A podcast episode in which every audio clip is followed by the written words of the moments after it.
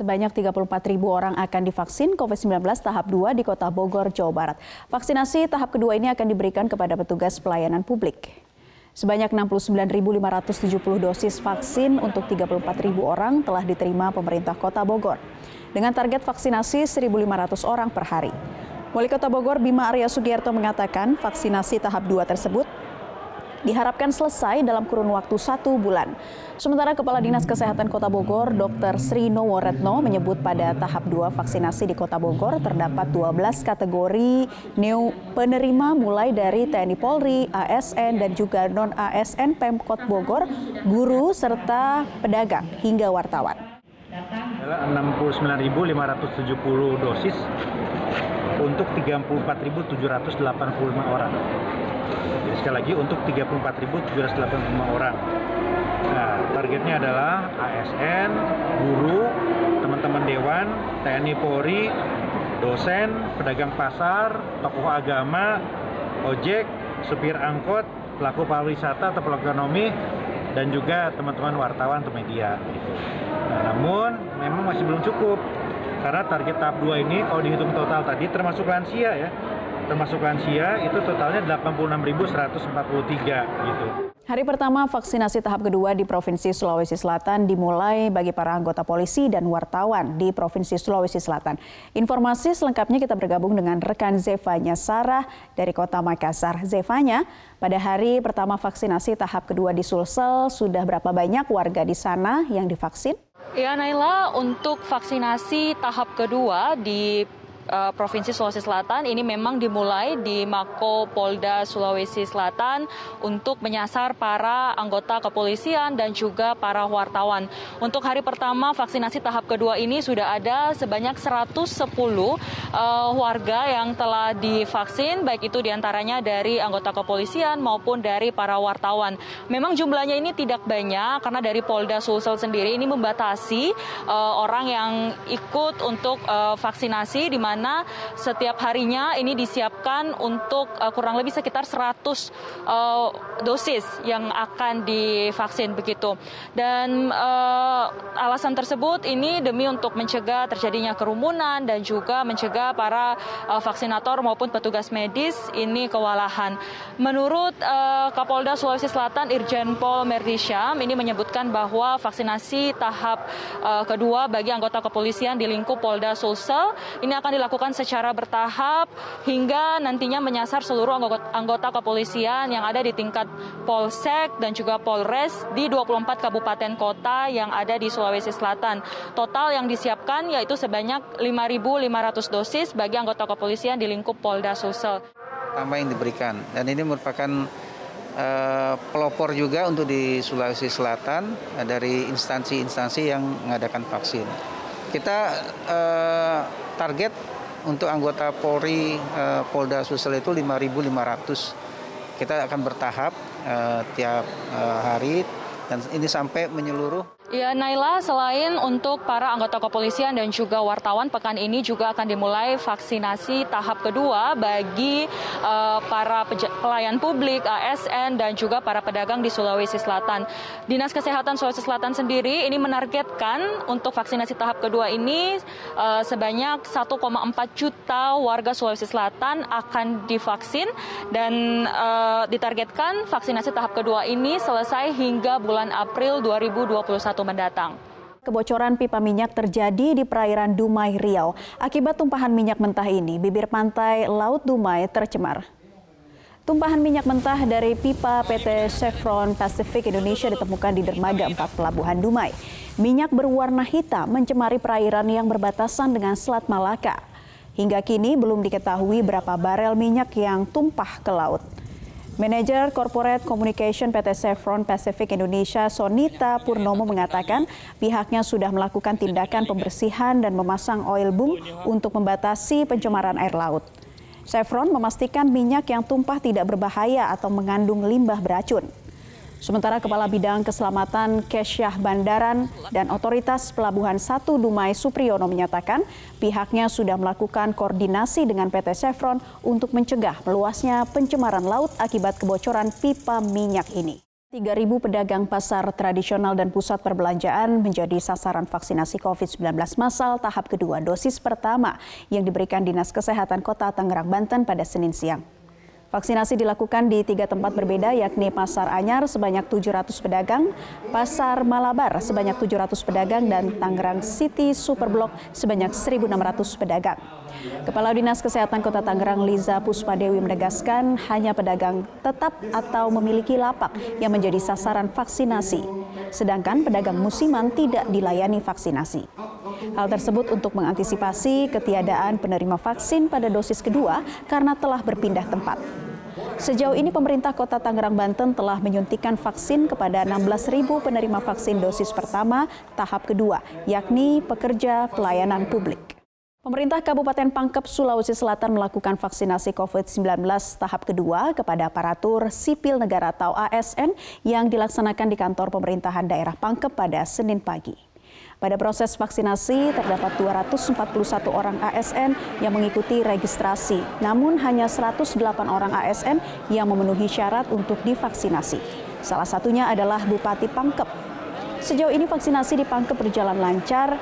Sebelumnya pada vaksinasi tahap pertama diberikan kepada tenaga kesehatan dan di awal tahap dua ini diberikan kepada seluruh ASN. Pemerintah Kabupaten Pangkep melalui Dinas Kesehatan intens melakukan sosialisasi dan penyuluhan kepada masyarakat tentang manfaat vaksin. Pemirsa kelompok pemotor yang menerobos area ring 1 akhirnya mendatangi markas Komando Pas Pampres untuk meminta maaf. Mereka mengklaim tidak bermaksud mengancam area ring 1 dan murni akibat kelalaian berkendara. Permintaan maaf disampaikan oleh juru bicara sekaligus road captain komunitas Liquid Bikers Halid Damawan di hadapan Asintel Pas Pampres Kolonel Infanteri Wisnu Herlambang pada Senin siang. Permintaan maaf terbuka juga ditujukan kepada sesama bikers lain karena telah mencoreng nama baik permotoran Indonesia serta kepada masyarakat karena membuat kegaduhan terkait dengan video viral di media sosial. Kepada awak media, Halid sempat bercerita bahwa pada saat kejadian ada sekitar 15 motor anggota yang menggelar Sunday Morning Ride atau Sunmori, yakni berkendara pada minggu pagi. Halid pun menyatakan itu bukan kali pertama rombongannya melintasi area istana. Saya selaku perwakilan dan juga juru bicara dari rekan-rekan juga mengakui bahwa benar adanya dari kejadian video yang viral tersebut yang terekam di dalam video adalah saya dan rekan-rekan. Maka dari itu, saya dan rekan-rekan berinisiatif untuk hadir dan mengklarifikasikan hal tersebut. Dan saya intinya e, memohon maaf sebesar-besarnya kepada Satuan Pas Pampres dan jajaran anggota yang sedang bertugas pada saat kejadian berlangsung. Tidak ada sedikit pun niatan kami untuk merusak citra baik pas pampres di mata publik dan juga tidak ada niatan kami untuk uh, mengancam VVIP yang berada di area ring 1. Sementara itu Asintel Pas Pampres Kolonel Infanteri Wisnu Herlambang memastikan bahwa pihaknya telah mengambil tindakan sesuai prosedur serta mengedukasi pemotor yang menerobos area ring 1 agar tidak mengulangi perbuatannya. Kedati demikian Pas Pampres menyerahkan kepada kepolisian jika selanjutnya memang ditemukan ada pelanggaran hukum. Apa yang dilakukan oleh anggota Pas Pampres yang sedang melaksanakan tugas pengamanan eh, pengamanan instalasi di komplek Istana Kepresidenan itu sudah sesuai dengan peraturan dan undang-undang yang berlaku. Jadi di sini saya mengutip peraturan undang pemerintah Republik Indonesia nomor 59 tahun 2013. Tindakan pengendara motor tersebut itu sudah uh, masuk atau klasifikasi da, uh, merupakan bahaya. Ya, ada dua jenis bahaya, bahaya langsung maupun tidak langsung. Nah, penerobosan pelanggaran atau penerobosan ini merupakan pelanggaran batas ring satu, yaitu merupakan bahaya tidak langsung sehingga harus segera dilumpuhkan. Ya. Setelah itu baru kita laksanakan pemeriksaan oleh anggota. Ya, setelah diadakan pemeriksaan, ya, diyakinkan tidak ditemukan hal-hal atau indikasi yang dapat mengancam instalasi PPIP. Kemudian uh, mereka kita beri edukasi ya untuk tidak mengulangi perbuatannya kembali. Setelah itu dilepas. Kabut asap akibat pembakaran hutan dan lahan di sejumlah wilayah di Provinsi Kalimantan Barat membuat kualitas udara di tiga kabupaten kota, yakni Pontianak, Kuburaya, dan Kabupaten Mempawah memburuk. Sementara itu, kabut asap yang menyelimuti perairan Sungai Kapuas mengganggu jarak pandang pelayaran.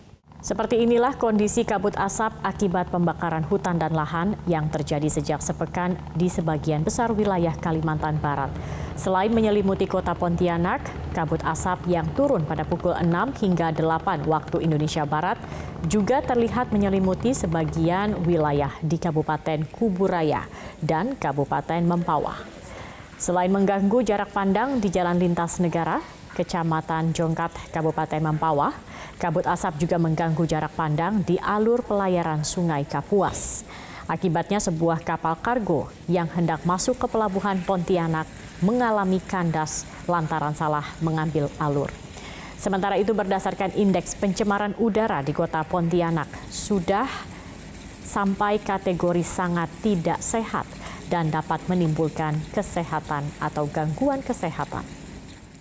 Dan pemirsa seberapa besar dampak kebakaran hutan dan lahan di Kalimantan Barat? Kami sudah bergabung bersama dengan Kabit Kedaruratan dan Logistik BPBD Kalimantan Barat, Novel Umar. Selamat sore Pak Novel. Pak Novel, eh, kabut asap akibat kar karhutla ini dampaknya sudah sampai ke lintas negara. Eh, seperti apa penanggulangan yang dilakukan Pak? Ya, uh, selamat sore. Uh, untuk sementara ini kami meminta kepada semua kabupaten kota untuk menetapkan status status siaga darurat bencana akibat uh, asap akibat karhutlah. Jadi uh, untuk sementara ini sudah lebih kurang tujuh kabupaten yang sudah menetapkan status. Total uh, jumlah hektarnya yang sudah terbakar kurang lebih 591 hektar. Untuk diketahui bahwa um, BPBD provinsi Kalbar telah menetapkan status dan sudah meminta uh, bantuan kepada BNPB untuk uh, eh, PMC atau hujan buatan serta heli waterbombing. Demikian. Baik, Pak Novel, apa sebenarnya menjadi kendala dalam upaya pemadaman dari karhutla ini, Pak? Kendala yang pertama itu luas lahan yang terbakar yang tidak bisa dijangkau oleh armada darat. Itu yang pertama. Yang kedua, eh, minimnya sumber air sehingga sangat kesusahan kami untuk memadamkannya. Terus eh, karena kita di sini mempunyai 322 desa yang rawan karhutlah di Kalbar, maka beberapa tempat mungkin tidak bisa kami jangkau, tetapi kami sudah kerjasama dengan TNI, Polri, BPBD setempat, KLHK, Manggalagni, MPA, Masyarakat Peduli Api dan juga Destana, Desa Tangguh Bencana untuk sama-sama kita untuk menangani bencana asap ini akibat karhutlah. Baik. Artinya yang akan dilakukan uh, prioritas begitu Pak untuk pemadaman ini tadi Anda katakan juga kan ingin diupayakan dengan adanya hujan buatan begitu. Untuk saat ini sembari menunggu hujan buatan apa kemudian yang uh, dilakukan untuk pemadaman ini Pak?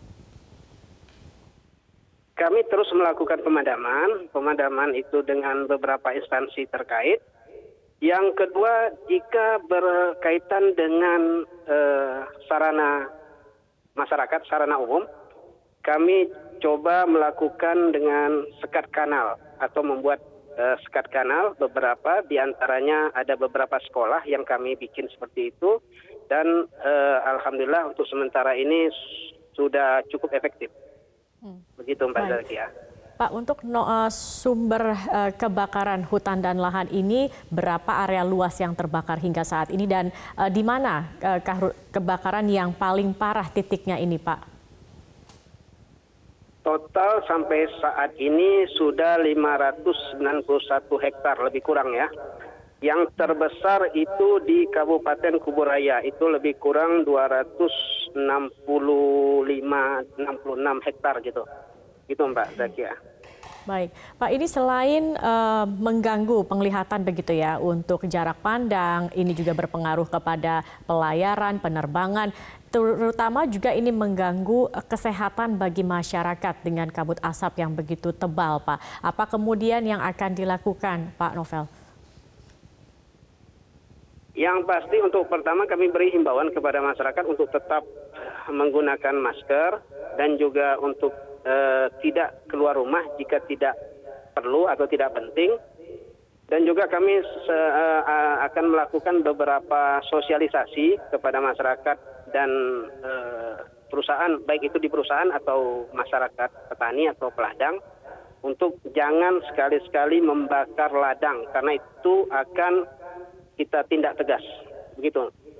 Baik. Dan mungkin terakhir Pak Novel begitu bagaimana kemudian uh, antisipasi dari BPBD dan juga uh, pihak-pihak uh, terkait untuk mengantisipasi kebakaran ini akan merembet begitu Pak? Yang pasti begini Mbak, uh, lambang dari BNPB yaitu segitiga. Segitiga itu adalah kerjasama antara pemerintah, dunia usaha dan masyarakat maka kami akan mendorong semua pihak untuk sama-sama kita menangani bencana asap ini supaya eh, tidak berkepanjangan eh, bencana ini. Terima kasih. Gitu Mbak.